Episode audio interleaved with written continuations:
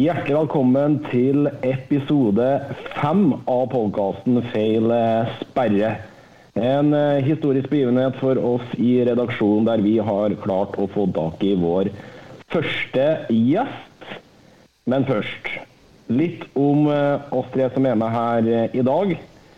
Den ene da, den siste uka han har fått tilsendt mikseutstyr for at denne podkasten skal bli så bra som overhodet mulig, og har satt seg godt inn i det. Det ga jo òg denne inngangssingelen en fin, fin introduksjon på. Den andre han har starta uka med influensa, men har sett mye håndball og prøvd å forberede denne podkasten så godt som overhodet mulig. Og i dag vært på førstedivisjonskampen mellom Melhus og Fyllingen på herresida. Og så er det denne podkastens store begivenhet da, som er vår eh, gjest. Andrea Østmo Pedersen, født i 1994. Spiller i dag for den danske klubben eh, Ikast. Står i mål der, har 19 landskamper med flagget på brystet. Har en fortid i trønderklubbene Malvik, Ranheim, Utleira, Byåsen og den eh, klubben som har vunnet Champions League de to siste sesongene, Vipers Kristiansand. Debuterte på det norske landslaget mot Frankrike 16.07.2018. Spilte på Norges lag under VM i 2019, der våre håndballjenter ble nummer fire. Sin siste landskap har André Hausson Pedersen spilt eh, foreløpig, da 2.3 borte mot Montenegro, der Norge vant 27-32. Vi har en merittliste å vise til med bronse i U17-EM i 2011, bronse i UVM 2012, seks sesonger i Byåsen Vipers fra 19 til 22. Tre NM-gull, tre seriegull, tre sluttspillgull med Vipers. Og som nevnt, da gikk da til eh, IKAS nå i sommer. Den danske klubben er nummer to av poeng med Esbjerg i den danske ligaen. Andrea Østmo Pedersen, hjertelig velkommen til oss. Jo, tusen takk. Hvordan er håndballivet i Danmark? Det er fint. Det er, nå har vi jo en eh, litt tidligere mesterskapspause, men eh, frem til nå syns jeg det har vært eh, godt å komme til et nytt land òg. Ut ifra den offisielle statistikken i, i kvinneligaen i, i, Danmark, så er det den nest beste keeperen etter de eh, første åtte kampene med en redningsprosent på 39,8. Det må være en bra start etter overgangen fra, fra Vipers. Ja, jo, jeg var jo så klart spent. Det er en annen type hverdag enn jeg hadde i Vipers. Så, men jeg syns det har vært gøy og fått møtt nye lag og nye spillere. Og ja, som sagt så har også laget gjort det godt, så vi har hatt en fin start. Årsaken for at man bytter ut eh, to ganger Champions League-mesterne de to siste årene med, med dansk håndball Vikas, da? Nei, si det. det. det. har vært hatt noen fine år i Vipers, har jeg. Eh, Eh, så jeg har også spilt og fighta med Katrine Lunde, som også har vært tøft. Så eh, jeg trengte noe nytt. og eh, ja, Så har jeg da lyst til å prøve utlandet. og Danmark er ikke så langt unna, men det er nye lag å møte enn den norske serien nå. Men selvfølgelig, å spille Champions League var kjempegøy. Fantastisk. Nå er det jo spillefri for, for deres del en liten periode her som er av årsak at det er mesterskap der våre håndballjenter har kommet godt i gang. Begynner å skje mye, mye, mye, mesterskap nå, nå for tida? Ja, jeg har sett en del kamper jeg har gjort. Uh, følt mest uh, Norge sin gruppe, skal jeg si. Også noe mellomspillet. Men uh, det har jo svingt veldig bortsett fra for Norge, egentlig. Så det har vært noen spennende kamper. Ja, hvis vi ser litt på den eh, Intersportcupen i, i Stavanger, åpner med tap der mot Nederland, men har spilt oss bra oppover eh, litt etter det. Hvordan, hvordan syns du det ser ut? Nei, Jeg syns også at de har fått satt eh, litt uh, ting i Fordelt inn roller i Forsvaret, f.eks. For og Eh, ja, jeg syns også flere som har stått fram når det er mange som, eh, fra Norge som har meldt eh, frafall. Så jeg syns det ser positivt ut, samtidig som at andre lagene syns jeg svinger mer av det jeg har sett fram til nå. Så jeg tror det blir høyt opp på tabellen, ja. Du nevner det jo sjøl, det har vært mye utskiftninger i forkant av det her mesterskapet. Vi er oppe i syv mesterskapsdebutanter i år. Det er vel ganske mye. og Hvis det skal gå hele veien, som vi selvfølgelig håper, hvor imponerende vil, vil det være? Jo, øh det er selvfølgelig noen der som eh, er veldig erfaren eh, og som vet hva som skal til for å ta gull. Så, men eh, som sagt, det er jo to nye venstrekanter som er mesterskapsstudenter, og mange andre som også har fått spilletid. Så det er jo alltid imponerende uansett hvem som spiller. Men jeg syns at de ser bra ut nå. Silje Solberg har jo starta forrykende, må vi jo si, første fem matchene. Og så fire matchene, og så på kamp nummer fem i går, så er det eh, Lunde som skal inn og, og, og, stå. Du har jo vært en del av keeperteamet der. Er det, er det, planlagt? Eller er det, det touch and go fra, fra Torir og Hva heter han? Keepertreneren? Mattosson. Ja. Eh, nei, det de vet jo hva de har i begge to. skal jeg si. Ehm, nå tror jeg også Katrine hadde lyst til å spille eh, mer enn du hadde gjort fram til nå, så, og få vise seg fram. Så, ehm, men jeg tror også Torir vet ja, som sagt hva han har i Katrine, selv om Silje har spilt eh, veldig bra.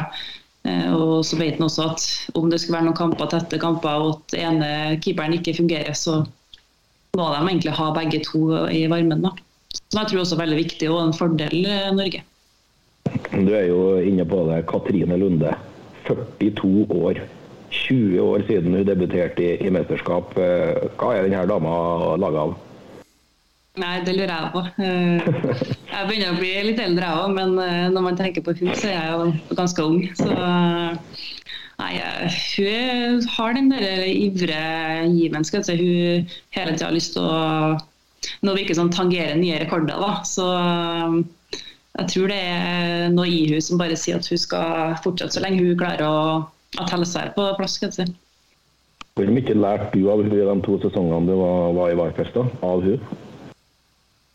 Jeg lærte ganske mye. Nå, første året mitt så kom jeg jo det året hun ble skada. Eh, da fikk jo jeg mye ansvar, og, og, hun ble på en måte litt mer mentor for meg. Eh, og hjalp meg. Men eh, det jeg lærte, er at hun hun har jo den evnen alltid til å på en måte, selv om det ikke går bra i noen kamper, så kommer hun inn og gjør de viktige redningene. Eh, og det handler mye om eh, mentaliteten hennes, egentlig. Eh, også så er jeg jo si, hun er profesjonell uansett om det er trening eller om det er en oppvarming hun er med på, så skal hun vinne. Så hun har en vinnerskalle. Fantastisk. Eh, Petter, da litt over til, til mesterskapet som foregår eh, nå. Er det, er det fire lag du vil sende til semifinaler allerede, eller er det, er det litt for tidlig? Norge synes Spesielt etter kampen mot Sverige i går, så syns jeg Norge er klar favoritt og gjør seg bare til mer favoritt. Sverige ser jo bra ut, men taper jo mot Danmark. Og Oss i går. Ja, så det, hvem av dem som går videre, det blir jo det innbyrdes per nå, for de har tatt Nei, Danmark har jo Ja, de har tatt hver sin kamp. Og Danmark spiller mot Norge, så det, det er klart Sverige, Sverige, har jo fortsatt en, eh, en, mulighet, og kanskje en større mulighet fordi Danmark kanskje taper en kamp til. Frankrike tror jeg går til, går til semifinale. Og så har jo Nederland eh, sklidd på flere bananskall enn vi kanskje trodde, og den gruppa på den sida virker jo veldig åpen. Det er jo mange som kan gå videre derifra, men eh, Montenegro har jo det er fordelen med å komme bakfra nå og kan eh, spille mer på resultat. Andrea, da, har du noen forhåndsfavoritter som du vil sende til semifinale? Nei, Jeg hadde egentlig mer det på forhånd enn akkurat nå. Men som Petter sier, at eh, jeg tror også Norge er klart videre. Og så, som jeg har forstått det litt nå, så er jo Eh, Danmark er avhengig av hvordan det går med Slovenia og Sverige. Men også hvis en av dem taper, så har de jo en fordel, i på Sverige. Men eh, Så der tror jeg kanskje Jeg tror kanskje én går på noe smell der, og så eh, går Danmark til semifinalen. Um, og så andre grupper er jeg, Nå så jeg jo Nederland spilte mot Spania. Det ble uavgjort. Smekket. Mm. Jeg trodde Nederland kom til å vinne den, så der er det veldig åpent. og jeg har ikke helt, helt, oversikt over hvordan det er på innbyrdes, men uh, Kan jo ta Eh, Ja, Frankrike tror jeg også. Montenegro har jo flere kamper igjen. Men uh, kan jo ta den Ja. gruppa først, bare tallene. da, Så står jo Spania og Nederland som med fire kamper. De har igjen én kamp hver. Begge har tapt to, spilt en uavgjort og tapt en, så de tre poeng. Eh, Montenegro spiller mot Frankrike nå. Frank så Frankrike og Montenegro på sin kamp nummer tre nå. Har fortsatt to kamper igjen etter dagens kamp. Og Så står de henholdsvis fire og seks. Eh, Tyskland og Romania har allerede tapt to, så Montenegro kan jo tape i dag og allikevel på en måte tape en til og fortsatt gå videre til semifinale. Eh, Så Montenegro har jo de sterkeste kortene, men de skal jo vinne kampene sine mot Nå har de spilt mot Frankrike i dag, det kan bli tøft. Og så er det Nederland og Spania igjen. Rom. Romania. Nederland. Romania. Ja. Og jeg, Montenegro er det eneste laget jeg ikke har sett så langt. Eh, men jeg trodde jo at Nederland kom til å ta den andreplassen i den gruppa der, eller kanskje også førsteplassen, men eh, per nå så er det helt åpent. Eh, Montenegro, da, Andrea, du har jo vært litt i Europa og spilt litt eh, kamper. De går jo inn i denne hovedrunden med full pott etter de vant tre av tre mulige hjemme i Podgorica. Nå skal de ikke spille noe mer mesterskap i Podgorica. Hvor mye fordel, ulemper, tror du de vil ha ved returen av det her mesterskapet? Nei, jeg tror de er jo veldig prega av eh, si, publikum og tilskuere. Eh, nå har det vært litt kritikk på at det ikke har vært så mange på de andre kampene, men eh, du ser at de, så lenge de har entusiasme og, og gir alt, skal jeg si, så, så tror jeg de kan nå en semifinale. Men de har også Som regel så kan de også bli litt trøtt på slutten av kampene. så jeg tror det skal faktisk bli litt vanskelig for dem òg å holde i tre kamper til. Så ja, så vi får se. Energy vinner håndballkamper. Det viser seg jo gang på gang. Og det er jo så tett. Det er jo som om altså, alle Mm. lagene, i hvert fall de fem-seks beste lagene nå, de spiller jo, vinner jo med to, og det er to mål hit eller dit i hver eneste kamp. Så det den som står mest energi, har jo mest mulighet til å gå videre. Og det er jo helt åpenbart. Bare den som vi, kampen som vi kommer tilbake til, med Spania og Tyskland, da. Der Spania vinner med to til slutt, men de leder jo med tre når de på en måte eh, slipper ned armene. Men der òg er det jo energien til Spania som gjør at de faktisk ligger foran med tre mot slutten der. Så det, det er tett, og det er jevnt. Og det Europamesterskap er litt artigere enn verdensmesterskap, for det er god håndball hele veien. Mm. Ja, og så tror jeg også de er jo si, Når de ikke har kanskje like mange profiler som mange andre lag, så er de også avhengig av å være et lag som har mye entusiasme. Da. Så, som også Montenegro har, og treneren deres har jo vært eh, en ganske god, habil håndballspiller som også er prega på at hun, eller hun sier at entusiasme er jo alt. Så i hvert dem er, dem er veldig si, gode på det. da. Popovic, Popovic.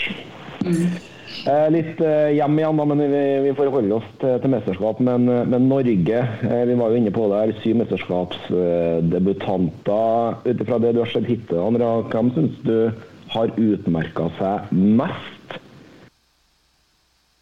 Eh, Nei, nå er det jo mange mesterskapsdebutanter, som sagt. Eh, Nå har jeg spilt på lag med Sunniva. Eh, Hun har kanskje ikke fått, uh, så mye utspill og så mye skudd som jeg vet hun kan, men, eh, eh, men så syns jeg hun har tatt rollen òg. Hun virker ikke noe nervøs. Men eh, den som kanskje har imponert meg mest, er jo Vilde Ingstad. Som veldig mye hva skal jeg si, Hun har jo stått i skyggen av mange andre gode linjespillere. Eh, Men så syns jeg hun har gjort det godt i Esberg i år, og tar egentlig bare det med videre mesterskapet. Um, og vært veldig sikker. Så um, Ville Ingstad syns jeg har imponert. Og så er jo Henny Reistad jo uh, blir bare bedre og bedre, hun også. Det um, hun er man også veldig avhengig av. Jeg må hive uh, Rushfeldt Deila inn i den miksen der, fordi jeg følte hun tett i år i Molde, og syns hun er Jeg vet ikke, men jeg har ikke vært så imponert av henne i Molde i år, men uh, solid bakover og duellstyrken framover. Men det er noe med å ta med seg nivået fra Rema 1000-ligaen og inn på landslaget, og så ser det ut som om det er det samme for henne. Det har ikke noe å si hos, eh, hvem som er ved siden av og hvem hun spiller mot. Hun ser akkurat like god ut uansett. Og det er imponerende. Og hun blir viktig Jeg tror hun blir viktigere og viktigere utover mesterskapet når Forsvaret skal settes. Ja, så ser du også at hun blir jo kasta litt inn på venstre toer, høyre toer. Og virker som Toril er trygg på at hun kan stå i flere roller. da. Og så fikk hun vel sitt første mål da, nå sist kamp. Så, og som sagt, vi vet at hun kan kan å skyte. Eh, nå har jeg ikke sett alle kampene i, til Molde i Rema 1000, men eh, jeg vet at hun kan. Så jeg tror at hun blir viktig. og så som sagt, Hun har ikke spilt så mange internasjonale kamper heller, så um, hun tror jeg er noe for framtida. Begge de to søstrene her tror jeg kommer til å se mer av. Hun er ikke, noe, hun er ikke langt bak eh, livet i Sola heller, så de, de, har gjort noe rett eh, når de har blanda gode fotballgener og fått til bra håndballspillere. Mm. Mm. Skal vi bevege oss litt ut fra mesterskap og vi sender Norge til semifinale og forhåpentligvis en EM-finale? Enig der? Ja. ja. Det tror jeg. Jeg håper jo Danmark får være med, for jeg syns Danmark er et artig lag i Sverige. Fantastisk. Vi, vi, noterer det ned. og eh, krysser alt vi har for at Norge da spiller nok en EM-finale nå kommende søndag og forsvarer da EM-gullet fra 2020. Vi reiser litt hjem igjen til eh, hjemlig liga. Andrea, får det skjedd noe mye av, av det? På det som foregår hjemme? Ja, nå kjente jeg like mye som jeg gjorde før. Da, da ble jeg håndball hele tida, 24-7. Men det det ja, selvfølgelig Jeg ser jo Vipers sine kamper. Ikke alle Rema 1000-kampene, men eh, ja, det er mange kjente i mange lag i Norge òg, som jeg, jeg følger jo med. Det gjør jeg. Herresida har fått et, et, et, nytt løft da, med, med, med Kolstad. Hva, hvordan har du gjort deg om det? Jo, det har jeg også si, fått med meg. Ehm, jeg jo, hadde jo fri akkurat, så jeg fikk jo med meg Elverum-Kolstad-kampen live. Og det var jo en artig opplevelse. Men uh, jeg tror uh, ja, jeg tror de har gjort noe rett, og at de kommer til å Ja, det blir et sluttspill, selvfølgelig, men jeg tror de kan faktisk få vinne serien og kanskje sluttspillet òg. Ja, Det ser, det ser, ser bra ut. Hvordan, eh, det har vi jo snakka om egentlig hver på og Petter, men uh, nå har vi jo deg som er med på, på det skikkelige nivået her. Eh, Kolstad skal ikke spille Europa i år, men Elverum er jo i Europa. Hvor mye fordel vil eventuelt Elverum dra nytte av den mot et sluttspill mot Kolstad? Ja, jeg tror En ting er jo så mange som sier at uh, det er bra at uh, Elverum spiller både fått matching i, Europa, selv om de har slitt litt i år, kanskje. Men, uh, men, igjen så tror jeg det er faktisk fordel Kolstad, fordi jeg tror det er slitsomt å spille både hjemlig i serien og uh, ute i Europa enn å bare spille og konsentrere deg om hjemmeligaen. Så det jeg tror akkurat nå, når Elverum også har mista en del eh, i år, eh, og bygger litt på nytt, så tror jeg faktisk det kommer til å bli fordel eh, Kolstad. Spennende. Petter, litt fra den siste uka. Elverum har spilt mye toppkamp mot Runar, som har, møtt og møter topplagene på, på stripe nå. Du har god oversikt der? Det er noen interessante resultater vi har fått nå siden vi møttes sist. Der, ja. Vi, Nærbø Halden spilte uavgjort.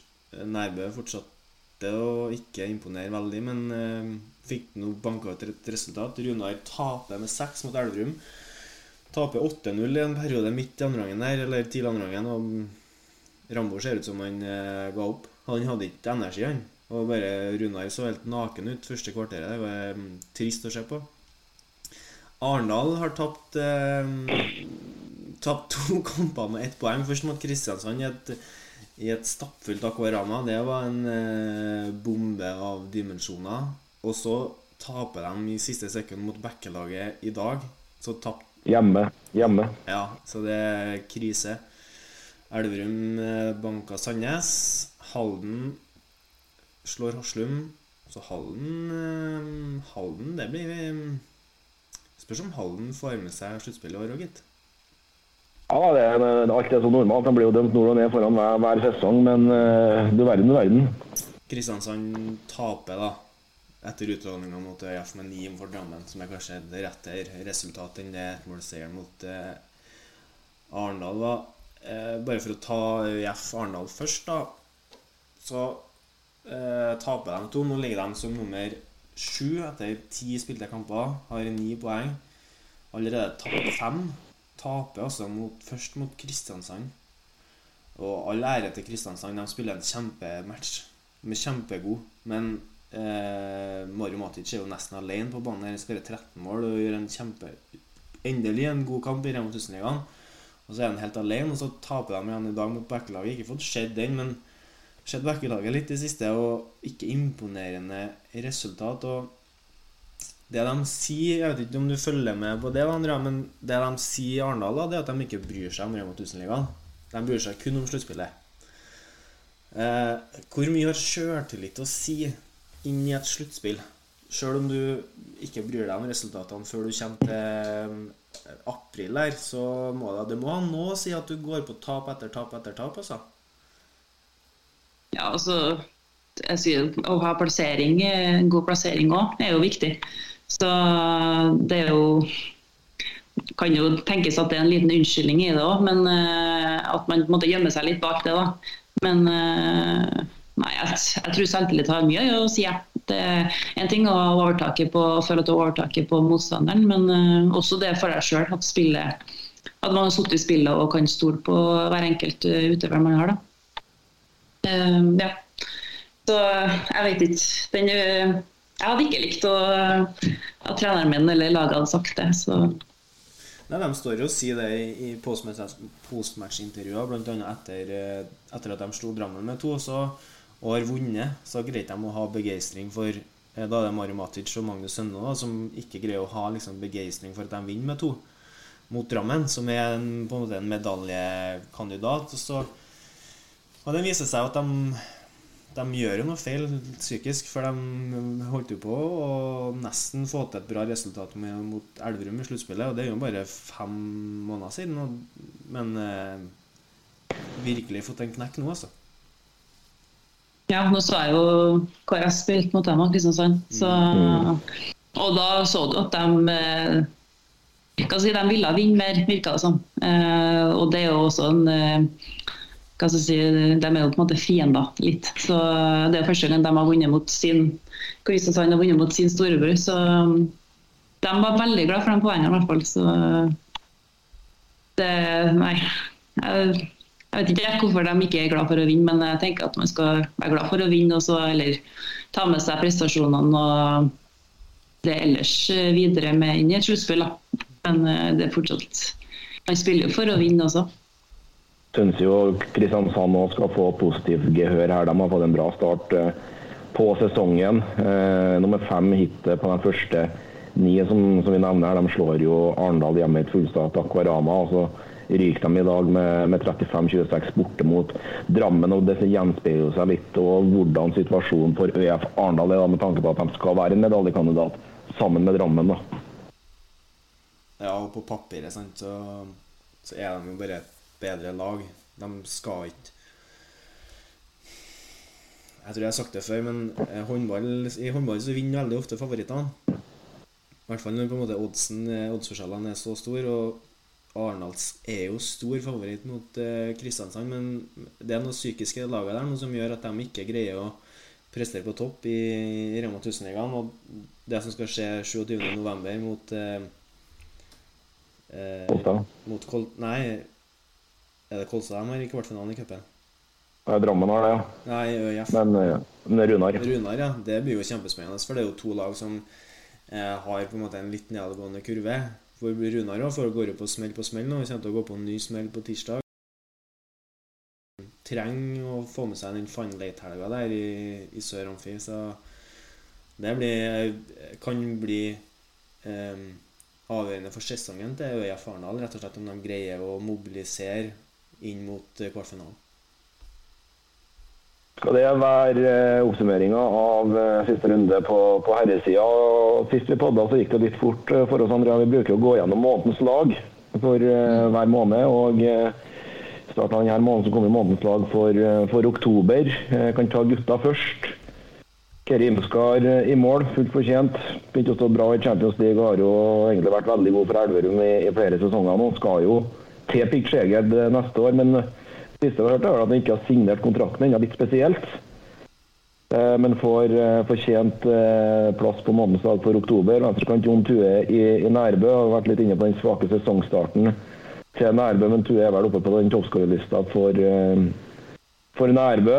Trud Truls Grøtta, playmaker-rolla for Halden, er jo toppskårer for Halden. Det er mye toppskårere som pryder gutta sitt, sitt eh, månedens lag. Jan Stolberg igjen blir matchavgjørende i dag for, eh, for Bekkelaget. Han ble også det mot eh, Nærbø, er toppskårer for, eh, for Jørgen Løg sitt mannskap der. Moro for Fjellhammer å få med, med Mitrovic. Bekkelaget fikk med to da, i tillegg til Kristoffer Langerhus, eh, Langerhus på, på linja. Og, og Kristiansand-kanten av Mikkel Mortensen på ute på høyrekant. Så det, det er flere klubber som er representert, og det, det er moro. Jeg vet ikke André, om du vet om noen av dem vi, vi nevnte her, men det er jo litt artig, jeg synes det er litt artig med Jens Stolberg, som spilte for Bergen i, i fjor. Rykka jo ned foran denne sesongen, men kommer inn i det her bekkelaget og det merker seg umiddelbart. Det er bra. Ja, det, jeg kjenner igjen de fleste navnene. Så, um, jeg har ikke sagt sett alle kampene, men uh, det er artig at det er flere, som, flere lag som har gode spillere og som viser seg frem. Det er jo den her eh, MEP-en som er avgjørende for, for Det er sånn de kårer årets månedslag i Rema 1000 både for kvinner, men det, det, har nok noe å si for at eh, eh Kolstad ikke er representert, f.eks. For eksempel, fordi de står med eh, 7 og 7 eller 8 og 8 eller hva det er nå. Så det, det blir litt eh, For meg blir det litt eh, gjennomskuelig, litt gjennomsiktig, for det er ikke noe faglig bak det. Bare ta han han eh, linja til Runar, f.eks., som jeg ikke husker hva heter, fordi navn ikke fester seg, men han har jo vært vanvittig god. Myklebust, ja. Myklebust, ja. Og Langerhus har òg vært bra, men, eh, men, det blir liksom ja, Det blir litt enkelt å bare kåle etter eh, den her MEP-en. Så det, det, men det er mange som har vært gode. Grøtta, f.eks., har vært helt avgjørende. Samme med Mitrovic. Så det, det er fortjent, men det, det hadde vært artigere om noen faktisk satt og vurderte prestasjoner. For det hadde gitt et, et, et, en bedre oversikt, tror jeg. da. Med jentene det samme. Vi, vi holder på. Smørgrav Skogstrand hos Larvik, som har fått keeperplassen. Larvik har fått en meget plass da, på sesongen, og nummer tre før denne mesterskapspausen. Det er bra for den gamle håndballstorheten. Vollik da, fra Ravens, mesterskapsdebutant hjemme for andre gang hittil denne sesongen. Veldig, veldig moro. Henrikke Kjølholt fra Tertnes fikk eh, høyrekanten. Og Jacobsen, Byåsen-kapteinen på linja. Toppskårer for Byåsen så langt eh, denne sesongen. Fredrikstads eh, Frida Brandbu Andersen eh, i backposisjon sammen med, med, Elise Skinnhaugen hos eh, Molde. Tor Ove Mona sitt Molde fikk med to da med, med Skinnhaugen og eh, Mona Obaili. Så det, ja, det, er mye som du nevner, du og Petter, det er mye MVP-er og det er mye toppskårere som er med på, på damene sitt, sitt måtens lag. Skogstrand har jo vært eh, vil da for Larvik. Det har vært eh, enormt å se på. Hun eh, har eh, vært altså, ordentlig ordentlig, ordentlig imponert meg. Og Larvik har spilt noen andre kamper, så hun har vært matchavgjørende i flere. Så den der er vel fortjent. Bra, har du bra kjennskap til, til Larvik-keeperen, Andrea? Jeg har vært uh, på én uh, rekruttsamling med henne, så kjente jo kjempegodt. Men jeg er også enig med at jeg syns at uh, Larvik har nesten vært veldig, eller de har vært veldig avhengig av hun, at hun har prestert så godt. Eh, så har Byåsen spilt dem, og da syns jeg også hun spilte eh, fint. Så det Larvik eh, de har flere gode, men hun vil jeg trekke fram at hun har vært en av de beste spillerne deres. Ja, Sterkt at de fortsatte framgangen Larvik også etter at Amanda Kurtovic måtte ut med skade. der, så det, nei, det, det, er positivt, det som skjer i Jotron Arena hos Erik Haugdal. Det er moro. Vet du hvor gammel Skogstrand er, Andrea? Ingen i hvert fall. Men vi er vel jeg nei, født på 2000-tallet, da. Ja, hun er så ung. Om ikke hun er yngre. Så uh, Nei, hun er fremtid Eller sånn, jeg eh, har fulgt med, hun spilte jo Tertnes. Uh, Skifta vel i år nå til Larvik, så um, hun har vært god, syns jeg. Og så er det jo mye ansvar i, i Larvik òg. De sikter jo, virker som de sikter høyt. og har henta en del spillere fram eh, foran denne sesongen. Så, og så har det vært eh, kanskje ikke like mye si, overraskelser på damesida, men det har vært en del eh, kamper der jeg tenker at nå det er tett. Det kommer til å bli tett eh, i toppen der, bortsett fra Vipers. da. Det er tett om sølvet, ja. Det er bra sikkert, for det, det, det er bingo. Det svinger sånn i prestasjonene at det er helt enormt. Mm. Yes, Det var månedens lag for oktober her i hjemlig liga på gutte- og jentesida. Petter, neste tema det er en artikkel vi har bitt oss merke i fra, fra Stig Nygaard, som blogger litt for, for TV 2. Der over, overskrifta var 'Lagbyggeren Torir Hegersson'. Eh, litt her. Hva tenker vi? Jeg syns jo det er en veldig god artikkel, og han Nå kjenner ikke jeg til prosessene bak, da, men eh, det som man sier om Heg Arntzen helt til slutt, f.eks., for eksempel, i forhold til hvilken rolle hun har hatt, og at hun har mist, mista litt den her eh, eh, Altså, for hun, hun, var jo en, en, spiller som skulle inn og avslutte fra, fra ni meter, og som jeg sa for en uke siden òg, så syns jeg jo aldri hun egentlig har I hvert fall ikke på landslaget, og heller ikke i Byåsen, der fulgte henne tett. Så syns jeg aldri hun på en måte avslutta veldig mye og godt fra ni meter.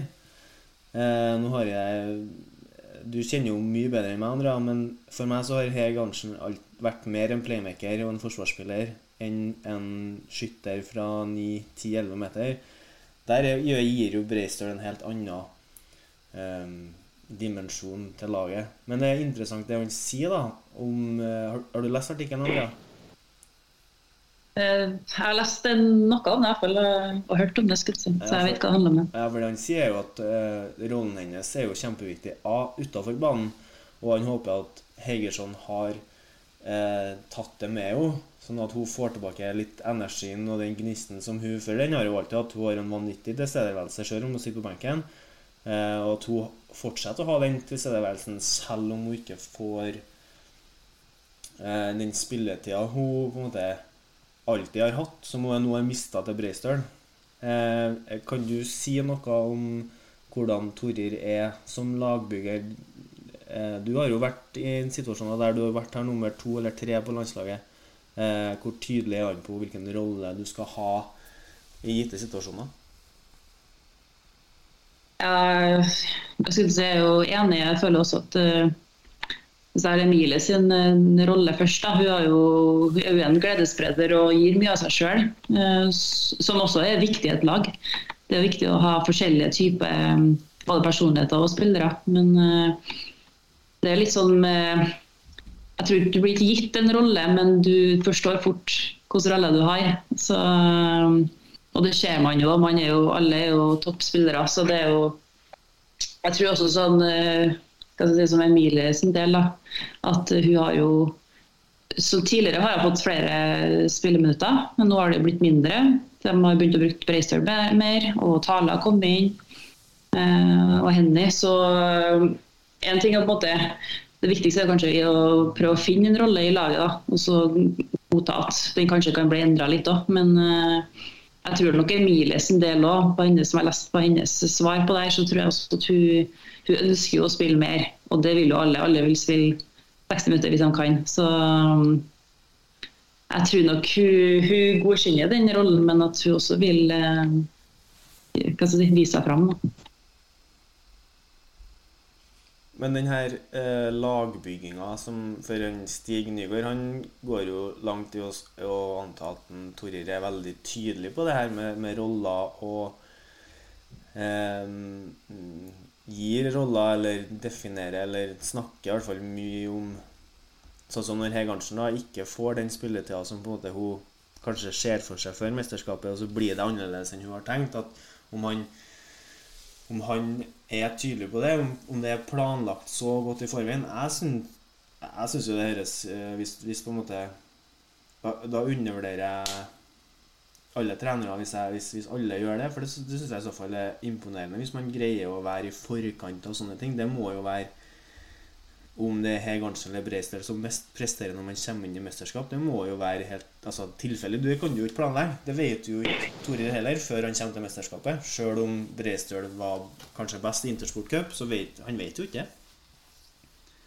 Nei, det er sant, men uh, jeg tror også litt som, som spiller, da, så er du Du vet på treninger, på møter og litt sånne ting, og tilbakemeldinger du får av trenerteamet og treneren, så tror jeg du man skjønner fort litt hvilken rolle man har også. Eh, og så tror jeg det skal si, Når jeg var med, så man finner litt den rollen, og du skjønner på en måte litt eh, når, Hvis du er ung, da, eh, eller ny på debutant, så skjønner du også litt at jeg tror ikke de som er debutanter nå, bortsett fra kanskje Sunniva Næss Andersen, forventer så mange spilleminutter på banen.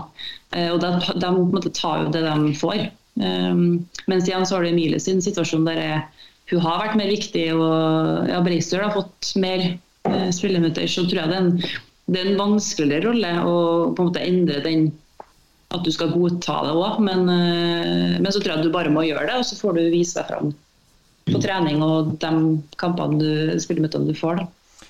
Et annet aspekt eh, som på en måte er viktig oppi her, er jo hvor mye tid bruker dere sammen altså bruke, Nå sier jeg dere, da, fordi at du har vært med på det. Men når du var med, da, hvor mye tid i mesterskapet brukte dere sammen utafor trening og middager som helt sikkert ble spist sammen? Men hvor, hvor, mye er dere egentlig sammen? Hvor mye er det, hvor viktig er det med gledesspredere gjennom hvor mye energi tar det fra her, sånn som Hegarnsen, å, å være gledesspreder en hel dag? Er dere så mye sammen også på dager der dere har spillefri? Ja, man er jo sammen nesten hele tida. Men uh, jeg tror man er veldig forskjellig. Uh, noen, det er jo rom for å trekke seg unna, og noen trenger å være på rommet nesten bare alene eller med romkameraten. Men ja, det er jo sånn jeg hadde tidligere, når det har vært mesterskap i desember, så har det alltid vært en adventsstund, på en måte. Eller en, en samling ett på kveldene. så man er jo veldig mye sammen om man vil det eller ikke. Så uh, jeg tror det er viktig å ha noen som selvfølgelig som Emilie som uh, trekker på smilebåndet og, uh, og si, ha noen vitser på lur. Men så er det også lurt å ha noen som er den rolige og kanskje tar det litt mer seriøst òg. Men jeg tror det er viktig med en miks. Tror du da at det er flere i det laget der som er tatt ut overfor noen andre pga. personlighet. Og da, For meg så går tankene fort til, til høyrekanten. da. For der er jo eh, Marit Røsberg Jacobsen er jo valgt, valgt, bort med tonnevis av rutine. Tonnevis, i hvert fall mye rutine inn mot det mesterskapet der man har litt lite rutine. Og så har Emilie Hovden fått den plassen sammen med Malin Aune. Eh, tror du det har du kjenner jo Marit godt. Eh, mm. tror du det, og sikkert og Malin i hvert fall kjenner du godt, eller? Har ja, det noe det. å si ha, Tror du det har hatt noe å si for uttaket at Marit en, en, har en personlighet som det er flere av, og at Emilie Hovden har en, en annen personlighet enn det Marit har, f.eks.? Nei, jeg, jeg, tror faktisk ikke sånn uttak rent sånn så tror jeg ikke det går på egentlig personlighet. Eh, men selvfølgelig, det spiller jo en liten rolle hvis det er noen som er kanskje veldig lik, har gjort det like godt. Marit har gjort det kjempefint eh, i både Champions League og eh, serien her i Danmark. Men det har også Emilie Hovden, som har fulgt med på. og Hun har vært veldig sikker fra kant. Så, men de er også, i tillegg til Malin, så er de jo forskjellige kanter. Det er jo sånn sett så har jo på en måte Emil Hovden vært veldig sikker her i den danske ligaen. Um, så jeg vært litt overraska at han kom til å ta med Hovden, men jeg syns det er fortjent òg. Uh, eh, selv om jeg sikkert synes det vært, eller hadde på sin, Hvis Marit hadde vært tatt ut, så hadde jeg syntes hun hadde, hadde vært fortjent. Men, uh, så det var vel litt 50-50, vil jeg tro, fra deres side. Sånn som du kjenner Marit, da. Hvor, uh, hvor motivert blir hun av å ikke bli tatt ut? Nei, jeg tror hun, hun blir Først tror jeg hun er veldig irritert. Eh, og så tror jeg hun er selvfølgelig skuffa. Men eh, etter en dag eller to så virka det sånn på meg at hun, hun si, ga litt faen og bare tenkte at hun skulle bare vise, vise seg fram. Og det gjorde hun jo første seriekampen etter eh, uttaket så hun vel åtte på åtte, eller hva det var for noe. Så hun, jeg vet at hun kan, og hun har vært god i år også. Det er bare at eh, jeg tror de har tenkt at Hovna har vært god, og nå var det hennes sjanse. Og så spiller også Malin Champions League og syns jeg har eh, vært bedre i år enn i fjor. Så hun har jo på en måte vært litt utelatt de siste mesterskapene. Så um, hun fortjener jo å være det. Nå er det jo lite spiller på tid på dem alle, da, når eh, det er Skogran som, som bekler den rollen sammen med, med Nora Mørk. Men eh, du ser jo hvor viktig det er. Jeg, jeg, jeg tror det bare blir viktigere nå at de kommer til å få større roller når, må, når Norge blir nødt til å brette ut spillet mer enn de har gjort frem til nå. Ja, det var det som var litt spørsmål før mesterskapet òg. Det var jo det når Sanna ikke var med og du har på en måte en kabal bak i forsvar. Eh, når, de, når Stine Oftedal blir satt på ener, og, og Nora òg, og de skal spille angrep, så er det en kabal bakover. Så, og Skogran spiller på lag med nå i kast. og etter at jeg har fått barn, så har jeg også tatt veldig mye steg og er solid i forsvar. Så og så spiller ikke hun til daglig på kant. Så jeg tror også det blir viktig etter hvert at eh, de får inn den som er faktisk er høyrekanter.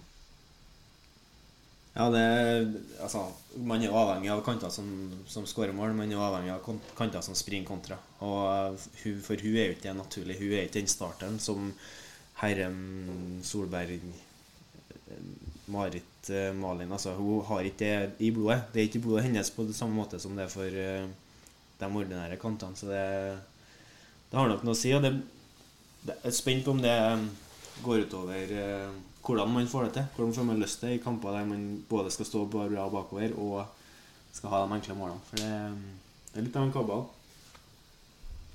Ja, det er det. Og nå det kommet en ny regel òg, at utfylla er midtsonen. Så går det jo litt fortere, og det er lettere å skåre enkle mål. Så jeg tror nok det, det, De tenker jo veldig nøye på hvordan de skal bygge opp det. Og det er mest pga. faktisk eh, forsvar, at de må ha en kabal der.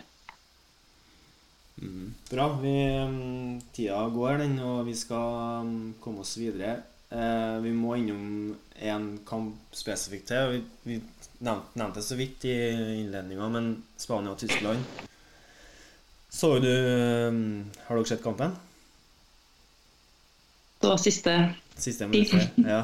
Det som var det viktigste. Det som var det viktigste. Bare for å dra mm. alle som ikke har sett kampen, det var litt annet, men greia er jo at eh, Spania må vinne mot Tyskland for å gå videre. Eh, vinner de med tre eller mer, så tar de med seg Polen, og Spania har null poeng inn i mellomrunden. Vinner de med Eh, to eller mindre, så tar de med seg Tyskland og to poeng inn i mellomrunden. Og den som ikke har sett det, det, det, klippet, kan gå inn på Twitter, og så søker de opp mer håndball på Twitter. Så vil de finne det klippet ned i feeden. Og det som skjer, er jo at eh, først vinner Spania ballen, leder 23-20. Vinner ballen i en brøyt, greier å skape en teknisk feil, og så poler de ballen det de greier over eh, dørlinja til, til Tyskland. Og så slipper de Tyskland eh, gjennom i forsvar, og så er det en av de spanske spillerne som greier å juble for mål til Tyskland. Og eh, har vært veldig mye diskutert etterpå. Eh, Andrea, du kan jo få begynne. Hva, hva tenker du? Hva, hva syns du om det som skjer? Nei, det ser jo litt eh, si, tåpelig ut, det gjør det jo. Eh, det er jo det har vært mye diskusjoner ja, som jeg leste i media også, om jeg eh, har hørt intervjuer om eh, det er fair play ikke. Eh, det er på en måte ikke fair play, men likevel så er det jo etter regelboka. Så Pluss at de, si, alle de som er med i mesterskapet og driver toppidrett, de vil vinne. Og vil, mm. vil jo ta med seg, sånn som Spania, måtte jo ha hvis de, de skåret eller vant med tre, så hadde de fått null poeng. Så, så, for dem så var det veldig viktig å få de to poengene videre i eh, mellomspillet. Så eh, ja, det er jo Forhåpentligvis, hvis det hadde vært meg, så hadde jeg håpa at jeg ikke hadde jubla og vist så stor entusiasme for at eh, noen hadde skåra på mitt lag, eller at jeg har sluppet inn. Men, men, jeg forstår det veldig godt òg. Hadde du klart å la en ball eh, som du kan redde, gå inn? Jeg har lyst til å si nei, men hat. alle keepere hater å slippe inn mål. Men det er jo nesten sånn, jeg synes det er imponerende. Det jo, kunne jo vært at keeperen hadde stått på feil side eller fått et påskudd på foten. Så hadde det jo ikke hatt noe å si. Men uh, eh, det var taktisk smart av Spania. Nå vet jeg om keeperen eh, gjør det med vilje eller ikke, men eh, jeg syns det er vanskelig. Jeg, jeg vil si at jeg aldri vil slippe inn et mål med vilje, men, men jeg vet ikke hvordan jeg hadde vært i den situasjonen. Det tør ikke jeg å svare på. Respekterer Hvordan tror du, Respekterer. hvordan tror du reaksjon Blomst. Respekterer du Spania for at de gjør det? Syns du på en måte det er uh, fair og uh, Det er bare sånn det er. Det er sånn reglene er, og da må man bare spille, spille etter reglene, og da blir det sånn. Ja, eh, det er jo reglene det er noe gale, eller sånn hvordan det er satt opp. Det er jo det som er noe galt med. Så da får de bare endre det pga. denne kampen, tenker jeg. Men eh, også og så tenker jeg også hun som ikke klarte å ha pokerfjes og jubla to ganger. Eh, hun kunne sikkert ha Hadde ikke jubla så mye, så hadde det kanskje ikke vært sett så dumt ut. Men, eh, men man er følelsesmenneske, og jeg tror hun bare tenkte at nå fikk de to poeng. Og det var det.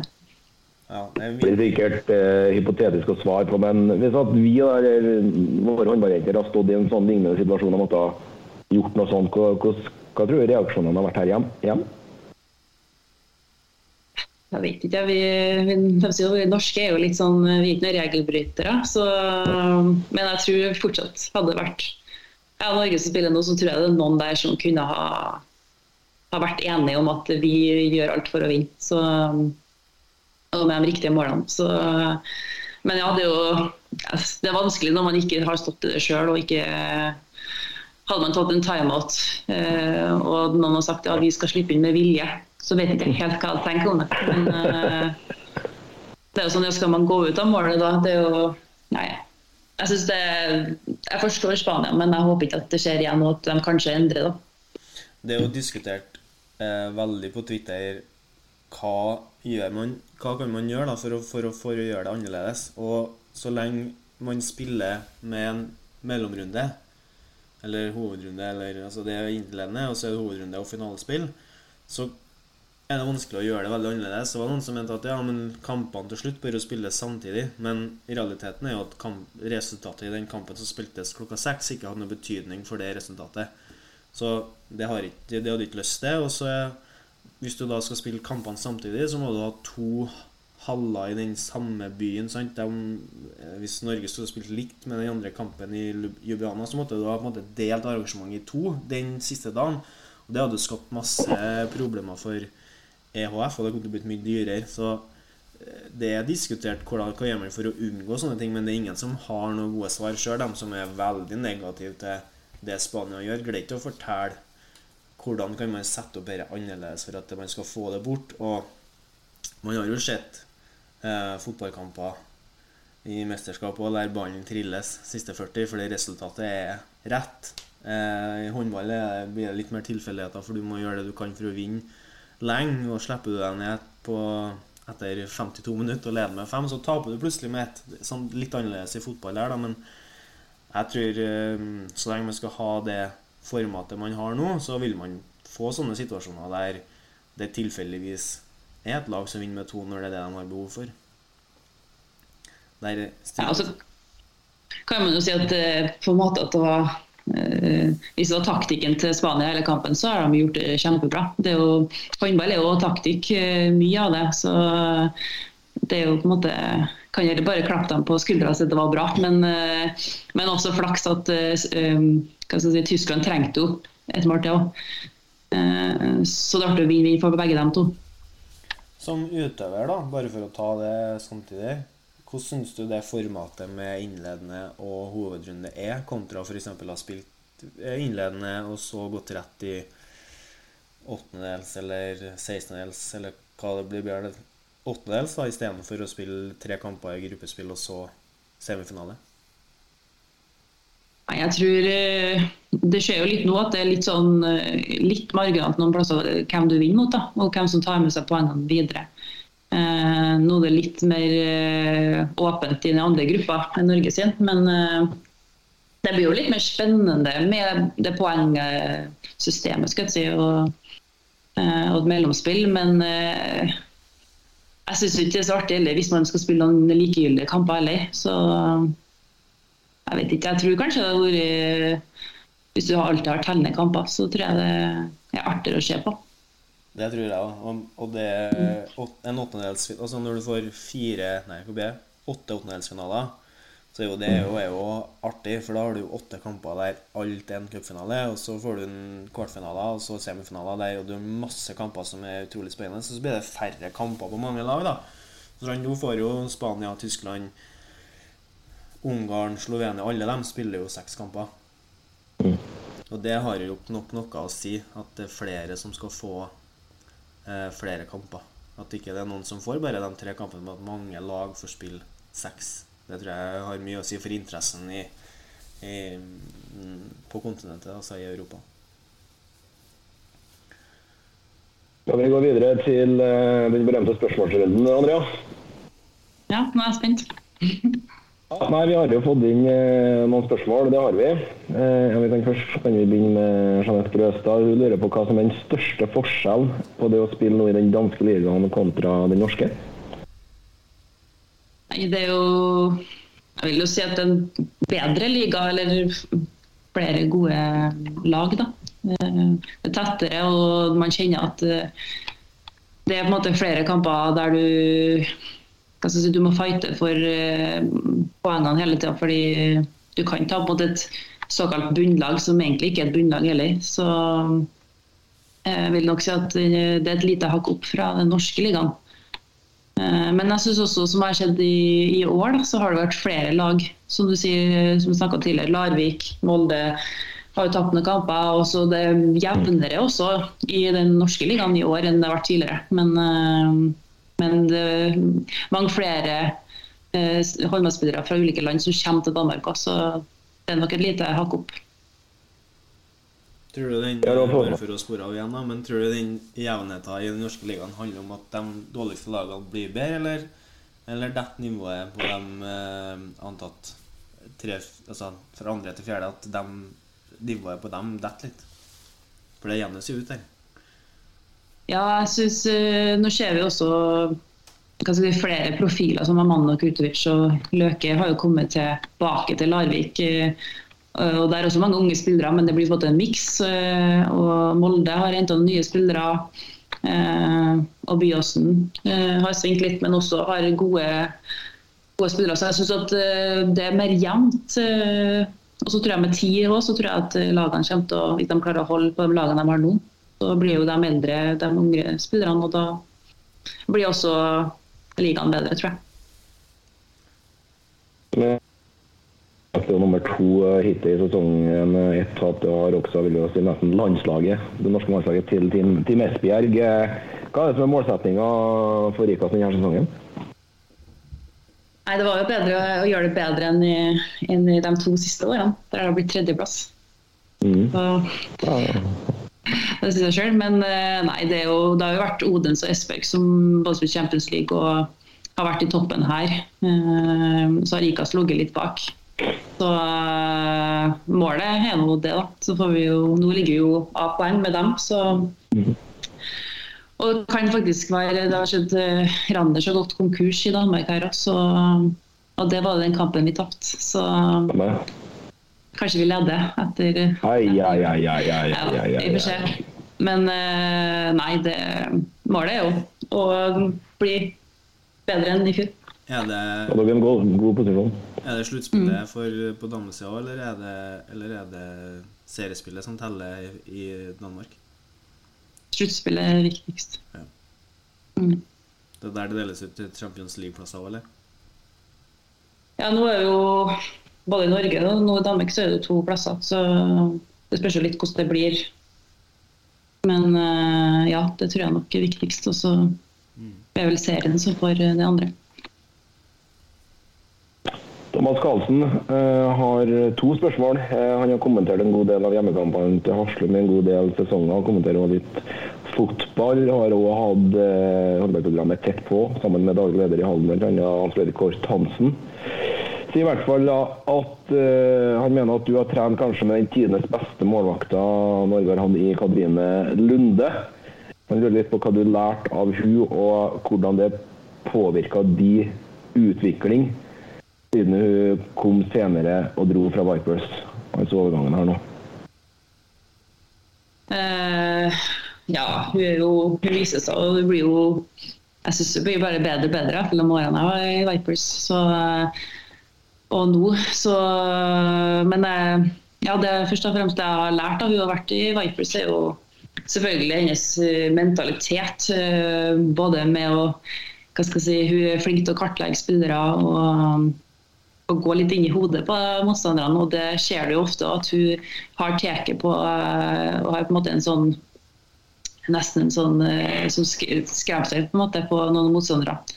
Så ja, jeg har lært mye av den mentaliteten hennes egentlig. Og, og, og at video kan man lære masse av. Eh, ja, så utvikla mi. Det, og, det, det var jo en grunn til at jeg ville prøve noe nytt og dra til Danmark. Jeg hadde jo fint i Vipers og eh, var jo heldig å få med meg begge på en par Mm. der. Så det er jeg veldig glad for at jeg var en del av det laget. Og, og at Vipers er en, har en vinnerkultur i veggene. og Det er på en måte det er tøft å være der, men eh, jeg tror også du lærer mye av eh, både på trening og i kamp av at du spiller med verdens beste spillere. Så, um, men det er også tøft. Du skal fighte for dine minutter, spesielt i Champions League. da. Så, ja, så for min del så følte jeg at eh, nå var det på tide, når eh, Katrine fortsetter og er så god, så får jeg bare ta med meg det jeg har lært av hun også ta med det videre og prøve noe nytt. Fantastisk. Eh, Karlsen, ja, han er på, han. Han lurer på hvordan hverdagen er i ikast og dansk håndball sammenligna med dine erfaringer fra Byåsen og Vipers Kristiansand. Eh, ja, nå er det en liten stund siden jeg var i, Vipe, nei, i Byåsen. Uh, da var jeg jo litt yngre, jeg skulle til seks år. Men uh, da var det på en måte den Vi var en del unge spillere da. Og som hva skal jeg si, ga grunn, eller skaffa oss et grunnlag for å bli bedre toppspillere. Um, så da var jo på en måte mer den der, Vi hadde mye treninger på morgenen på Olympiatoppen i Trondheim. Og så hadde håndballtreninger hver dag. Eh, så det var mye håndballtrening. Så kom jeg til, til Vipers, der det var overraskende mindre trening. Eh, Men det er også fordi man er mer profesjonell og at man har mye reisedager når man spiller både Champions League og serie. Så det det ble en ny hverdag der med at man på en måte ikke klarte å trene så mye kanskje fysisk som man var vant til, og heller fokusere på en ny kamp eh, både i ukedagene og i hverdagen, nei, i helga. Så det er jo Det var en stor overgang. Og så eh, er jeg tilbake igjen til Ikast, eh, der vi ikke spiller Champions League. Eh, Vi skal spille e-cup etter jul. Som da er mye trening igjen, egentlig. Mer trening vi hadde enn i Vipers.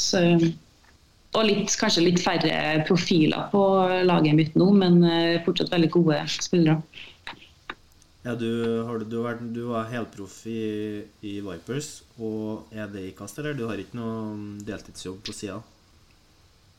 Nei. Eh, jeg studerer fortsatt litt på sida, men det kan vi si, det er hobbyen min. Så jeg er toppidrettsutøver, ja.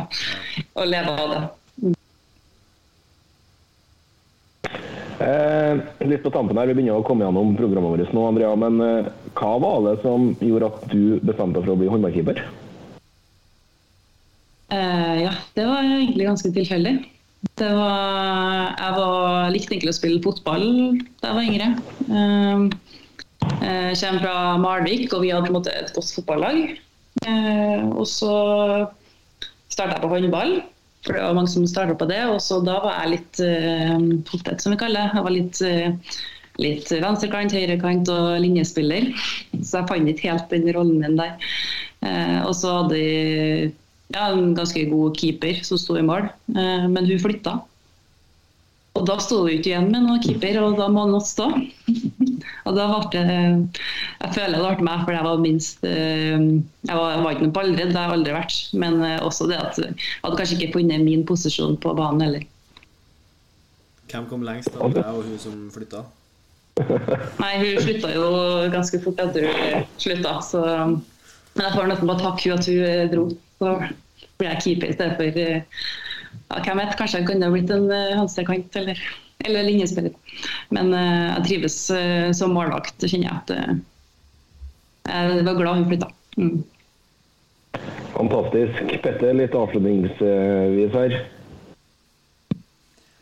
Um, jeg er egentlig litt uh, tom, men det, det jeg kanskje um, lurer på, hvis jeg bare skal avslutte nå, er jo når du velger ikast, for forlater Vipers, har du flere tilbud? Har du muligheten til å gå du, eh, flere plasser? Hva er det som gjør at hva er det IKAST sier og gjør som gjør at du velger dem? Du kommer jo fra noen landslagssamlinger og mesterskap med det norske landslaget, så det, det, det var vel ikke vanskelig å finne seg en ny klubb? Nei, det var jo skal jeg si Først, jeg hadde også snakka med Vipers og eller sånn, kunne få resignere der òg, men uh, jeg kjente at vi var, vi var tre keepere der og trengte noe nytt. Og så er det jo litt den, jeg kjenner at den danske ligaen har jo frista veldig òg. Eh, med tanke på at den er jeg vil si egentlig den er den beste ligaen eh, akkurat nå. Eh, men jeg spiller jo ikke Champions League, og det var jo også ga mersmak i, i, Vipers. Men eh, for min si, utvikling og eh, ja, Nå vil jeg si om klubbene jeg snakka med, men eh, det var det ble egentlig ganske lett med tanke på når jeg snakka med IKAS, at de er, er proff her. Eh, det er godt hjemmepublikum. og Folk er interessert i håndball. Og det virker som et veldig godt lag, som også jeg syns vi har visst nå. Så, og om vi har fått eh, hva skal Jeg si, jeg så jo også potensialet med at man kunne kanskje få en Champions League-plass òg. Så, så, derfor valgte jeg å IKAS og Danmark. da. Bra. Vi skal um, runde av. Tusen hjertelig takk, Andrea, for at du um, orka å bruke søndagskvelden din på oss. Det er helt strålende. Det er historisk. Første gjesten i podkasten Feil sperre. Gratulerer. Jo, takk. Det var koselig at jeg fikk være med. Og kan bruke neste søndag her òg. Det var hyggelig. Bra. Det, skal vi, det er farlig å si, for vi kommer til å ta deg på ordet. Ja. Vi er tilbake om eh, åtte dager. Neste søndag eh, Nei, sju dager, selvfølgelig. Det blir allerede på søndag. Eh, jobber med en gjest inn mot det òg. Ja, det blir spennende. Noe mer på tampen, Gast? Nei. Jeg sier som du sier, tusen hjertelig takk, Andrea. Fantastisk at du stilte opp og tok, oss tida, tok deg tida til oss. Suverent. Takk for meg. Takk for praten.